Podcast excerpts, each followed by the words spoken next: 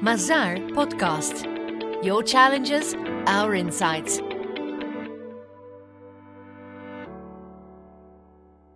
Welkom bij de podcastserie van Mazar over digitalisering in de maatschappij. In deze vierde aflevering gaan we het hebben over cybersecurity. Mijn naam is Anjali Jarab, IT-auditor bij Mazar. En vandaag ga ik in gesprek met Jan Matto, partner bij Mazar IT Audit and Advisory. En Ahmed Bouaza, director bij Mazar IT Audit and Advisory. We horen veel over cyberincidenten de laatste jaren. Hoe komt het dat het zo uh, toeneemt? Kunnen jullie daar iets over vertellen? Kijk, wat we zien met, uh, met, met de cyberincidenten en de oorzaken die daarachter zitten, dat heeft alles mee te maken dat wij uh, willen enerzijds ja, dingen wel beveiligen, maar we willen ook communiceren met de buitenwereld. Dus het is een soort strijdigheid in. We willen zoveel mogelijk openheid naar buiten toe hebben met onze digitale systemen. En vervolgens willen we alles tegenhouden wat we eigenlijk niet binnen willen hebben. En doordat we um, ja, steeds meer apparaten koppelen aan elkaar, uh, steeds meer interconnectie hebben met uh, markt, klanten, medewerkers. Uh, maar ook met apparaten, hè? we noemen het wel eens the Internet of Everything. Ja, dat maakt het beheersmatig wel steeds moeilijker. En ik denk dat dat een van de redenen is waarom er ook steeds meer incidenten voorkomen. Ja, ja dat klopt helemaal. En uh, wat we ook uh, zien is dat uh, er wordt heel veel uitbesteed hè, aan derde partijen. Dus we doen, we doen steeds minder zelf als het gaat om IT. Het wordt meer gespecialiseerd. Het moet weer, um, er ontstaan eigenlijk grote hotspots hè, waar heel veel klanten zich bij aansluiten. Denk maar aan grote cloud providers bijvoorbeeld. Maar een, een, een, ja, een negatief effect van uitbesteding is dat je ook de grip, de grip daarop verliest. Uh, en zo'n hele keten van uitbesteding, dat heb je ook wel vaak. Het is niet alleen maar één partij die iets uitbesteedt aan een andere, maar er zitten heel veel partijen soms achter. Als het ergens er misgaat in die keten, dan heeft het ook gevolgen voor de rest, hè, voor, de, voor alle onderliggende partijen. Um, en daardoor zie je ook dat de maatschappelijke schade van een cyberincident soms veel groter kan zijn dan alleen uh, bij jouw organisatie die daar uh, toevallig op dat moment uh, door geraakt wordt, hè, direct. Het, het, spreidt zich uit als een soort olievlek. bij beveiliging wordt vaak gedacht van, nou ja, als ik mij beter beveilig dan mijn buurman, en dan gaan ze wel daar naartoe. dan breken ze daar wel, wel in. Maar bij cyberbeveiliging speelt dus ook een rol dat, je, dat de impact veel groter kan zijn alleen maar bij jouzelf. Dus je beveiligt je dus niet alleen maar voor jezelf, maar je, maar je beschermt daarmee ook anderen. Uh, zeg maar. En ja, het blijft uh, uh, belangrijk dat de, dat de mens hierbij ook, een, ook qua bewustwording een belangrijke rol speelt. We moeten ons wel beseffen dat het helemaal niet meer te begrijpen valt voor sommige mensen uh, wat we nou eigenlijk aan het doen zijn met IT. Het is, het is, het is echt een black box uh, geworden. En, en, en dat maakt het ook complex om te. Om te hoe, hoe, moet je iets beveiligen wat je niet snapt, wat je niet kent, ja. wat je niet, waar, je, waar je niet weet hoe dat, hoe dat nou werkt.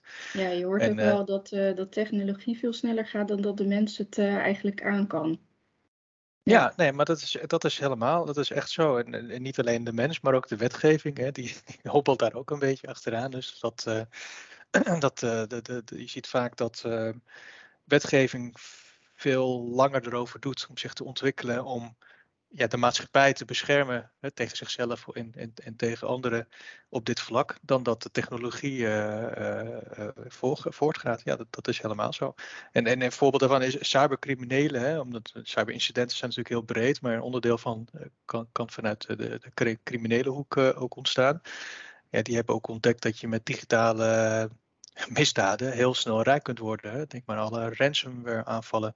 En je hoeft je huis er niet voor te verlaten in feite. Dus uh, mm-hmm. als er iemand is die optimaal gebruik maakt van remote werken, dan, zijn, dan is het die groep uh, wel.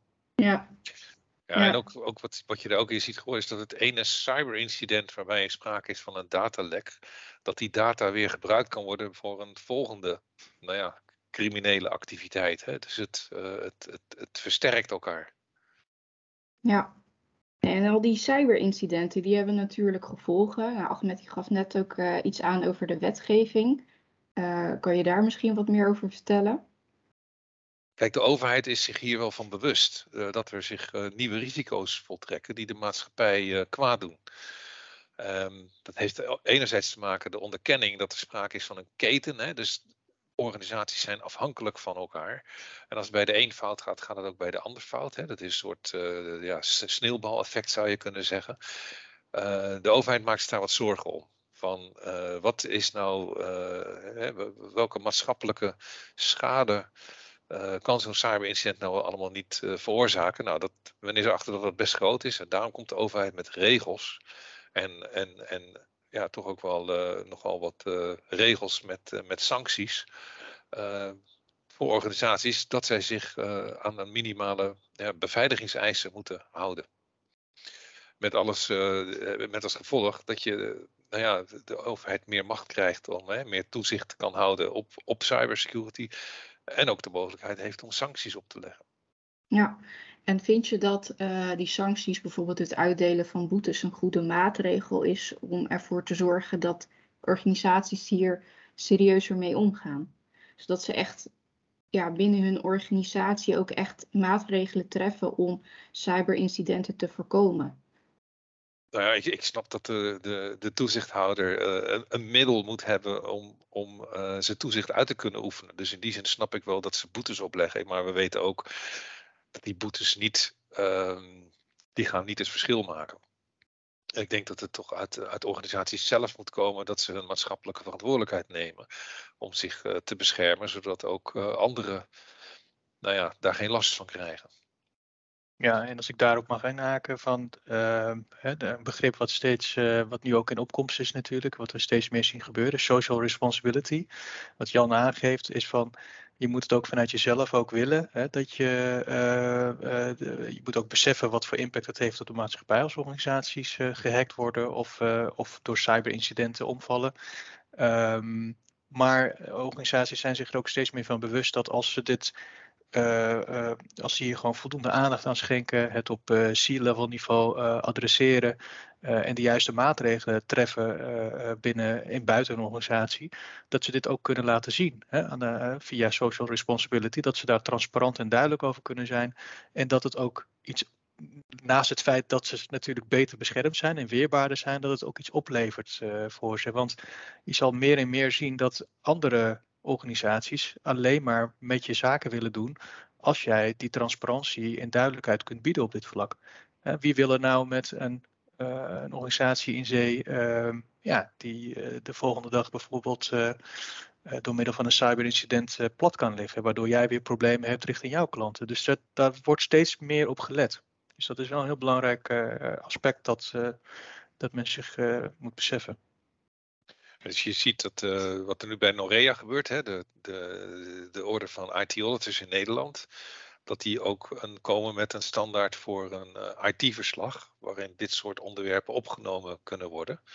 Uh, en waar zo'n IT-verslag ook gebruikt kan worden om de buitenwereld te laten zien hoe je onder andere omgaat met je cyberweerbaarheid. Ja, vaak denken mensen aan cyberincidenten dat het vaak um een negatieve kant heeft, maar het kan ook positieve kanten hebben. Ahmed, zoals je net al vertelde over de social responsibility. Um, dat organisaties uh, transparanter willen zijn op dit vlak. Uh, maar ook het stukje communiceren erover is ook heel erg belangrijk. Um, kunnen jullie wat meer vertellen over waarom het zo belangrijk is en voor wie het belangrijk is dat hier snel en duidelijk over gecommuniceerd wordt? Natuurlijk is het belangrijk voor de individuele organisatie omdat het kan gaan over uh, bedrijfsbelangen, bedrijfsgeheimen, continuïteit. Um, maar het, kan ook gaan om, om, data die weer gebruikt kan worden in een, uh, uh, in, in, in, in, volgende criminele actie. Hè. Dus in die zin, um, cyberincident 1 is misschien niet zo ernstig. Cyberincident 2 is misschien ook niet zo ernstig, maar bij elkaar kan het kan het een, een, een, extra negatief effect hebben, omdat kwaadaardige mensen daar weer, uh, weer nieuwe mogelijkheden mee krijgen om uh, schade te berokkenen. Ja, en, en wat we ook uh, zien is dat je hebt grofweg, als je kijkt bij organisaties waar cyberincidenten plaatsvinden die bekend raken, dan zie je nu een soort van tweedeling in aan de ene kant organisaties die ja, redelijk lang op zich laten wachten voordat ze met een statement komen en daar ook heel vaag over blijven. En organisaties die heel snel ehm, en ook duidelijk vertellen uh, wat er is gebeurd en, en, en wat ze gedaan hebben om die schade te beperken. Nou, en vooral in die laatste categorie zie, je dat de, de publieke opinie zeg maar, veel milder is. Hè? Die, die, die, die, uh, uh, iedereen snapt wel tegenwoordig, denk ik, van dat een, een cyberincident raakt iedereen. Dus het is niet zo van dat een organisatie kan zeggen van nou wij zijn daar niet, uh, het zal ons nooit gebeuren. Het, het, zal het kan iedereen een keer gebeuren en het zal wellicht ook iedereen een keer gebeuren. Uh, het gaat erom hoe je, erop, hoe je erop reageert en hoe je erover communiceert en uh, hoe je laat zien dat je daar adequaat op gereageerd hebt om de schade zo, ehm, ja, zo sterk mogelijk terug te dringen. En, en dat is wat, wat nu het, ja, het, het, het, het, zeg maar, positieve eraan, eh, eraan is, als ik, als ik daar zo'n draai aan mag geven, is dat we wel meer en meer van elkaar leren hoe we met dit soort incidenten moeten omgaan. Hè? Moeten dealen in hoe we daarover moeten communiceren naar elkaar toe. En ik hoop ook dat we dat in de toekomst steeds meer gaan doen. Je hoeft niet alles te vertellen natuurlijk om, om niet je, je, je bloot te leggen. Maar het is wel belangrijk om, uh, ja, om in ieder geval de getroffenen op de hoogte te brengen. En ook aan te geven van hé, hey, uh, dit is wat we aan het doen zijn om jouw data zo goed mogelijk te beschermen. Ja, dat, dat, dat dat niet goed gaat, dat bleek vanochtend nog uit het nieuws. Op uh, eh, 25 mei 2022, dat de autoriteit persoonsgegevens meldt dat het aantal gemelde datalekken is toegenomen met ruim 80% in één jaar. Maar ook dat ze hebben vastgesteld dat de meeste organisaties niet de betrokken individuen hebben geïnformeerd over het datalek. En overigens, we hebben het hier over cyberincidenten. We hebben het vrij veel over cybercriminaliteit. Maar een cyberincident hoeft natuurlijk niet altijd een criminele achtergrond te hebben. Nee, klopt. Uh, en wat voor risico's en gevolgen zie je dan nog meer bij cyberincidenten? Nou ja, dat kan op heel veel fronten zitten. Uh, het, het, kan gaan over uh, reputatieschade. Uh, als, als gevolg van een cyberincident. Uh, het kan ook gaan over de continuïteit van je bedrijfsvoering. Daar zijn wel uh, bekende voorbeelden beelden van. Ehm, maar het kan ook gaan dat ehm, ja, een hele keten, een hele sector zeg maar, getroffen wordt door een, door een cyberincident. Dus dat niet alleen het individuele bedrijf stilgelegd wordt, maar dat ook ehm, nou ja, zeg maar hun, hun afnemers, dan hun toeleveranciers er last van hebben. Ja, en wat we ook, uh, wat je ook ziet steeds meer en meer is die verbondenheid tussen de digitale wereld en de fysieke wereld. Hè? Dat een cyberincident in de digitale wereld, wat voor impact het kan hebben in de fysieke wereld. En om een voorbeeld daarvan te geven is bijvoorbeeld uh, een, tijd terug. Uh, bij een uh, grote aluminiumfabriek uh, werd de boel stilgelegd doordat er een cyberincident had plaatsgevonden. Maar uh, dit soort fabrieken die kunnen eigenlijk helemaal niet stil blijven staan. Hè? Want dat, dat, dat zit in het productieproces. Moet het aluminium, dat, dat, dat stolt op het moment dat je, dat je die, die, die ovens stilstaan. Dus dat, dus dat leverde heel veel schade en heel veel problemen op. Um, en dat had een hele grote impact op, uh, ja, op de fysieke wereld, los even van de digitale uh, schade die ze, die ze daaraan ondervonden. Ja, dat, dat heeft wel echt uh, nadelige gevolgen. Maar wat als er iets gebeurt wat bijvoorbeeld geen nadelige gevolg heeft? Um, er was laatst ook iets in het nieuws over een nieuw soort ransomware, namelijk Goodwill ransomware. Dus dan uh, versleutelt bijvoorbeeld bestanden en dan worden ze ontoegankelijk gemaakt. En aan slachtoffers wordt dan uh, gevraagd om sociale activiteiten uit te voeren in ruil voor uh, de decoderingssleutel. Ik ben even benieuwd wat jullie kijk hierop is. Nou, ik vind dat niet positief. ik bedoel, dat, dat blijft een, een, een, een, het blijft afpersing. Ja, inderdaad, uh, helemaal dus, mee eens. Dus, en, en dat criminelen ook ineens uh, social responsibility in hun programma hebben zitten, dat maakt ze niet minder crimineel. Nee, nee en het is ook, het is als je iets goeds wil doen, en ik bedoel, ik snap de intentie misschien wel, hè, dus uh, ze geven aan van, joh, we hebben je data versleuteld en als je het terug wil hebben, doe dan iets goeds voor de maatschappij. Uh, het, het, streven vind ik wel nobel, maar de manier waarop vind ik inderdaad niet kunnen. Als, het, als je iets goeds wil doen voor de maatschappij, moet het uit jezelf komen. En niet, je moet het niet door gedwongen of gechanteerd worden. Ja, want hoe je het wendt of keert, het heeft gevolgen. Inderdaad. Ja. Maar wat kan je er eigenlijk uh, tegen doen, tegen al die cyberincidenten? Hebben jullie wellicht wat uh, tips of informatie? Je kan er heel veel uh, tegen doen, preventief. maar ook zeg maar, repressief. Hè? Dus wat doe je als het je overkomt en er, erg belangrijk is. en dat is het, ook wel weer een beetje slecht nieuws eigenlijk. Het is niet eenvoudig. Je zal maatregelen moeten treffen in verschillende ja, noem je dat, in, in, in verschillende domeinen. Ja, dat gaat over bijvoorbeeld de techniek. Heb je, je, architectuur slim ingericht, segmentering gerealiseerd? Is je organisatie erop ingericht? Hè, van, heb je je communicatiekanalen geregeld? En heb je je beheersprocessen op orde? Hè? Dat weer, weer een aspect. En last but not least, weten de mensen die hiermee te maken hebben, ehm, ja, kennen ze de risico's en weten ze hoe ze daarmee om moeten gaan. dus dat zijn een aantal domeinen waar je maatregelen moet treffen. Dus het is niet e-, één, één, één type maatregel in één domein. Je moet alles tegelijk doen. Oké, en als je dat dan in beeld hebt, wat dan? Wat zijn dan de stappen?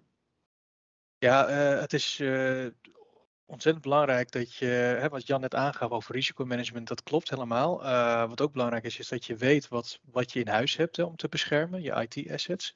Ehm, want dan kun je ook ja, specifieke maatregelen treffen. En dit zijn dit kunnen maatregelen zijn op technisch gebied, maar ook uh, organisatorisch of op mensen, wat, wat, Jan ook al aangaf. Uh, maar op technisch gebied kun je bijvoorbeeld ervoor zorgen dat je hele goede segmentatie inricht in je netwerkomgeving. Dus dat, je, dat als er iemand binnenkomt, dat hij niet zomaar kan doordringen tot nou ja, het binnenste van je, van je netwerk, zeg maar. Of, het, of je netwerkcomponenten ook hardenen. Dat betekent dat je in feite alle overbodige software die er niet op hoeft te draaien, ook, ook, ook, ook weglaat. Hè? Want alles wat aan software erop draait, kan een kwetsbaarheid bevatten. Dus je moet ervoor zorgen dat componenten in je netwerk alleen maar de noodzakelijke software bevatten en meer niet. Dat verkleint de kans op, op fouten en op, en op een, een, grotere aanvalsvector. Ehm, patch management is ook een heel belangrijk organisatorisch proces hè, wat je moet inrichten. Dus je moet up-to-date blijven met alle netwerkcomponenten. Dat ze in ieder geval ook up-to-date zijn en de laatste stand van de, van de software die, die uitgegeven is. Um, en als je wijzigingen doorvoert, en die zullen er ongetwijfeld zijn, hè, we weten, we kennen allemaal binnen IT, dat staat nooit stil. Maar zorg ervoor dat je een goed proces hebt om die wijzigingen ook goed te managen. Ja, dat ze betrouwbaar en, en, en, en robuust worden doorgevoerd en, en, dat het niet zorgt voor uh, ja, uh, de, de ongevalletjes, om het zo te noemen, dat je, waardoor je ja. niet meer uh, beschikbaar, dat je beschikbaarheid in gevaar komt. Je hebt nu eh, best veel benoemd wat organisaties nu kunnen doen. Maar ik ben ook benieuwd hoe je ervoor kan zorgen dat je in de toekomst ook beschermd blijft. E een van de dingen wat we zien, wat eigenlijk vaak uh, onderbelicht is, is dat er een fatsoenlijke manier van rapporteren is aan uh, nou ja, de directie, commissarissen op, dat niveau over hoe nou die verschillende domeinen van cybersecurity worden gerealiseerd. En daarvoor is het belangrijk um, dat er enerzijds een soort monitoring is hè, van wat, wat gebeurt er nou op, op deze gebieden binnen het cybersecurity domein, zowel binnen jouw organisatie, maar ook van zijn er misschien in de buitenwereld nieuwe risico's ontdekt, hè, nieuwe kwetsbaarheden die, uh, die ontstaan, of dat, er, hè, dat je informatie krijgt vanuit jouw uh, hè, jouw, jouw ketenpartners, dat er wat aan de hand is, dat dat, ja, dat dat wordt opgepakt en dat er wat mee gedaan wordt. Maar ook dat daarover gerapporteerd wordt aan, uh, aan nou ja, het, het C-level. Ik denk dat dat enorm belangrijk is, want dan krijg je iets van een, een managementcyclus. Waardoor je in de toekomst nou ja, hè, de, de, de, de, maatregelen in leven houdt en, en constant optimaliseert en verbetert. Maar wat nu als het toch misgaat en je te maken krijgt met een cyberincident? Wat moet je dan doen? Ja, dat, uh, wat is belangrijk? Ja, heel, nou, dat is een hele goede vraag. Want wat ik al eerder aangaf, je, de kans dat je ermee te maken krijgt is gewoon ontzettend groot. Um, en daarom is het ook heel belangrijk dat je je instant response, zoals ze dat noemen, hebt ingericht. Hè? Dus hoe reageer je dan op? Um, om die impact ook te beperken Uh, dat is een proces dat je vooraf als organisatie goed over moet nadenken. Je moet ook je mensen daarvoor opleiden en, en, en op de juiste plekken zetten. Je moet een communicatieplan hebben, zowel intern als extern, een escalatieplan. Uh, denk aan bijvoorbeeld, nou ja, stel dat onze telefoniesystemen worden geraakt door een cyberincident. Hoe kunnen we toch de mensen bereiken? Hebben we een backup ergens waar alle nummers in staan? al dat soort zaken zijn van belang om goed over na te denken van tevoren. Um, ook wat vertellen we aan onze eigen medewerkers, aan de buitenwereld, aan toezichthouders, aan klanten, aan leveranciers, aan de media. Um, en je kan dit soort dingen ook simuleren. Hè? Dus uh, door jezelf te trainen hierop, um, ja, bereid je, je de organisatie, je mensen ook op, op voor hoe ze, zich, hoe ze zich moeten gedragen en hoe ze uh, moeten reageren op een cyberincident. Nou, jullie hebben al heel veel tips gegeven, maar ik ga toch nog even vragen: hebben jullie nog een gouden tip? Nou ja, de gouden tip is, uh, noem je dat? De, de proof of the pudding is in the eating. Uh, je moet testen. Je moet uh, toetsen en evalueren. dat kan zijn door natuurlijk door pentesten uit te voeren. Gewoon la, laat je systeem eens hacken. Laat eens zien wat, wat, wat er dan gebeurt. dat geldt ook voor bijvoorbeeld een, een phishing campagne. ga eens kijken hoe je medewerkers reageren op een een, phishing, uh, phishing attack. En, en, en last but not least, um, oefen is een keer een situatie waarbij je inderdaad je doet alsof je systeem niet meer beschikbaar is. En we hebben een tijdje geleden een klant gehad, die overkwam dus inderdaad een malware aanval. En die kwam toen pas tot de ontdekking dat hij helemaal niemand meer kon bereiken. Hij had geen adressen en telefoonnummers van zijn klanten bijvoorbeeld.